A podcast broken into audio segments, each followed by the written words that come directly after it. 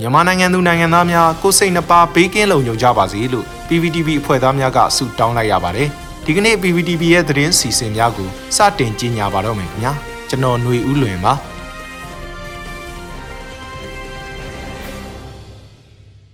အခုပထမဆုံးအနေနဲ့အောင်လန်လွင့်ချီຫນွေဦးထီပထမနေ့အဖြစ်ရောင်းချရာနိုင်ပိုင်းအတွင်းတတ်မှတ်ဆောင်ရည်အကုန်ရောင်းချနိုင်ခဲ့ပြီး ပြည်သူလူထုရဲ့သတင်းအချက်အလက်ဆိုင်ရာလုံခြုံရေးအတွက်ဤပညာပိုင်းဆိုင်ရာအဆင့်မြင့်တင်မှုတွေဆက်လက်လှုပ်ဆောင်နေတဲ့သတင်းကိုတင်ဆက်ပေးမှာဖြစ်ပါတယ်။အမျိုးသားညီညွတ်ရေးအစိုးရအဖွဲ့ရဲ့အောင်လန်လွင့်ချီຫນွေဦးထီအစီအစဉ်ကိုပြည်သူတွေကတခဲနဲ့ထောက်ခံအားပေးနေကြပြီးထီစတင်ရောင်းချတဲ့ဩဂုတ်လ15ရက်နေ့ကနိုင်ပိုင်းအတွင်းမှာပဲအဲ့ဒီနေ့အတွက်သတ်မှတ်ထားတဲ့ဆောင်ရည်ပြည့်သွားတဲ့အထိအောင်မြင်မှုရရှိခဲ့ပါတယ်။တစ်ဖက်မှာလည်းအကြမ်းဖက်စစ်ကောင်စီက နှောက်ယှက်ဟန်တားမှုတွေအဖြစ်ထီထိုးသူတွေရဲ့အွန်လိုင်းငွေချေမှုအကောင့်တွေကိုစောင့်ကြည့်တာပိတ်ပင်တာတွေလှုပ်ဆောင်လာတာပါ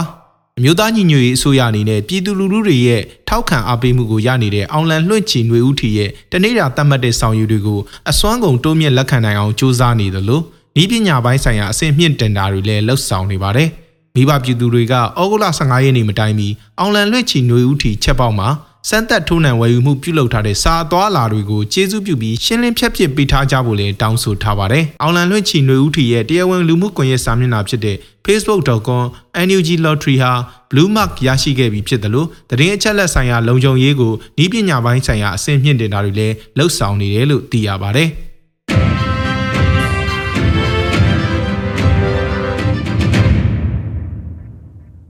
ဆက်လက်ပြီး နယူးယောက်မြို့မှာရောက်ရှိနေတဲ့မြန်မာတွေကအမျိုးသားညီညွတ်ရေးအစိုးရ NUG အတွက်ရန်ပုံငွေဈေးအောင်ပွဲတော်ပြုလုပ်ခဲ့တဲ့တဲ့တင်ကိုတင်ဆက်ပေးမှာဖြစ်ပါတယ်။ကိုဗစ်ရောဂါထိန်းချုပ်ရေးဆောင်ရွက်နေတဲ့အမျိုးသားညီညွတ်ရေးအစိုးရ NUG ရဲ့စီမံမှုတွေမှာအသုံးပြုနိုင်ရေးအတွက်ရည်ရွယ်ပြီးတော့နယူးယောက်မြို့မှာရှိတဲ့မြန်မာတွေကရန်ပုံငွေဈေးအောင်ပွဲတော်ကိုပြုလုပ်ခဲ့ကြတာပါ။။ဩဂုတ်15ရက်နေ့မှာလုပ်ခဲ့တဲ့အဆိုပါဈေးရောင်းပွဲတော်ကိုနယူးယောက်မှာရှိတဲ့မြန်မာတွေဖွဲ့ထားတဲ့ NHFMM ကနေဦးစီးပြီးလှုပ်ဆောင်ခဲ့တာပါ။ Queens မြို့နယ် Alamhurst Stadium နယ်လေးက Woodside Avenue မှာလုပ်ခဲ့ကြတာဖြစ်ပြီးမြန်မာအစားအစာတွေရောင်းချပြီးရန်ပုံငွေရှာခဲ့ကြတာလည်းဖြစ်ပါတယ်။ရန်ပုံငွေပွဲကိုဥဆောင်သူတွေကတော့ရလာတဲ့ငွေတွေကိုဒေါက်တာစင်တီယာမောင်ဥဆောင်တဲ့ကိုရိုနာဗိုင်းရပ်စ်ကာကွယ်တိုက်ဖျက်ရေးကော်မတီကိုပေးအပ်လှူဒန်းသွားမယ်လို့ဆိုပါတယ်။အမျိုးသားညီညွတ်ရေးအစိုးရ NUG ရဲ့ကျန်းမာရေးဝန်ကြီးဌာနက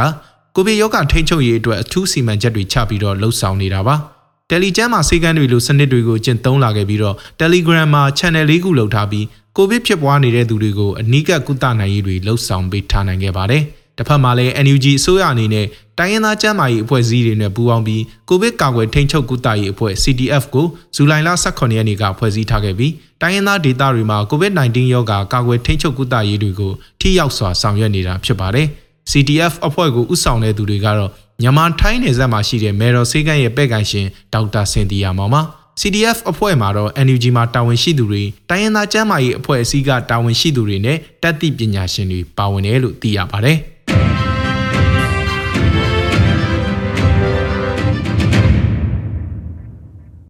နောက်ဆုံးသတင်းတစ်ပုဒ်အနေနဲ့အကြံဘက်စစ်ကောင်စီကတန်ဃာတော်တွေကိုဂိတ်ဆောင်ခိုင်းတဲ့ညွှန်ကြားချက်ပေါ် ကန့်ကွက်မှုတွေထွက်ပေါ်ခဲ့ပြီးပြန်ရုပ်သိမ်းခဲ့တဲ့သတင်းကိုတင်ဆက်ပေးမှာဖြစ်ပါတယ်။မန္တလေးတိုင်းတွင်းကကိုဗစ်ရောဂါကာကွယ်ရေးအတွက်စစ်ဆေးရေးဂိတ်တွေမှာနေ့စဉ်တန်ခါ၃ပါးစီစောင့်ကြည့်ပေးရမယ်လို့ဩဂုတ်လ12ရက်နေ့ကညွှန်ကြားချက်ထုတ်ခဲ့တာပါ။အဲ့ဒီလိုအမိန့်ညွှန်ကြားချက်ကိုမန္တလေးတိုင်းဒေသကြီးအစိုးရအဖွဲ့မန္တလေးတိုင်းဒေသကြီးတန်ခါနိုင်ကအဖွဲ့မန္တလေး9မြို့နယ်တန်ခါနိုင်ကအဖွဲ့တွေပြုလုပ်တဲ့အစည်းအဝေးပြီးမှထုတ်ပြန်ခဲ့တာဖြစ်ပါတယ်။ အခုလိုတန်ခါတော်တွေကိုမအပ်ဆက်တဲ့ဂိတ်ဆောင်မှုညွှန်ကြားချက်အပေါ်မန္တလေးမြို့နယ်အတွင်းကတန်ဃာတော်တွေကကန့်ကွက်ခဲ့ကြပြီးအများစုကလည်းသဘောမတူကြောင်းပြောဆိုခဲ့ကြတဲ့အတွက်ညွှန်ကြားချက်ကိုပြန်လည်ရုပ်သိမ်းခဲ့တယ်လို့မန္တလေးတိုင်းဒေသကြီးတန်ဃာနာယကအဖွဲ့ကမိန့်ကြားခဲ့ပါတယ်။လိုအပ်မယ်ထင်လို့ထုတ်ပြန်ခဲ့တာပါ။အခုတော့တန်ဃာတော်၃ပါးစောင့်ရမယ်ဆိုတာကိုရုပ်သိမ်းလိုက်ပြီလို့မန္တလေးတိုင်းဒေသကြီးတန်ဃာနာယကအဖွဲ့ရဲ့တာဝန်ရှိဆရာတော်တစ်ပါးကမိန့်ကြားခဲ့တယ်လို့ BBC သတင်းဌာနကရေးသားထားပါတယ်။အခုလိုထုတ်ပြန်တဲ့အမိန့်ညွှန်ကြားချက်ကို ပြန်လည်ရုပ်သိမ်းသွားတာနဲ့ပတ်သက်ပြီးအစာကလေးကဒီလိုဂိတ်ဆောက်မှုဆိုတာ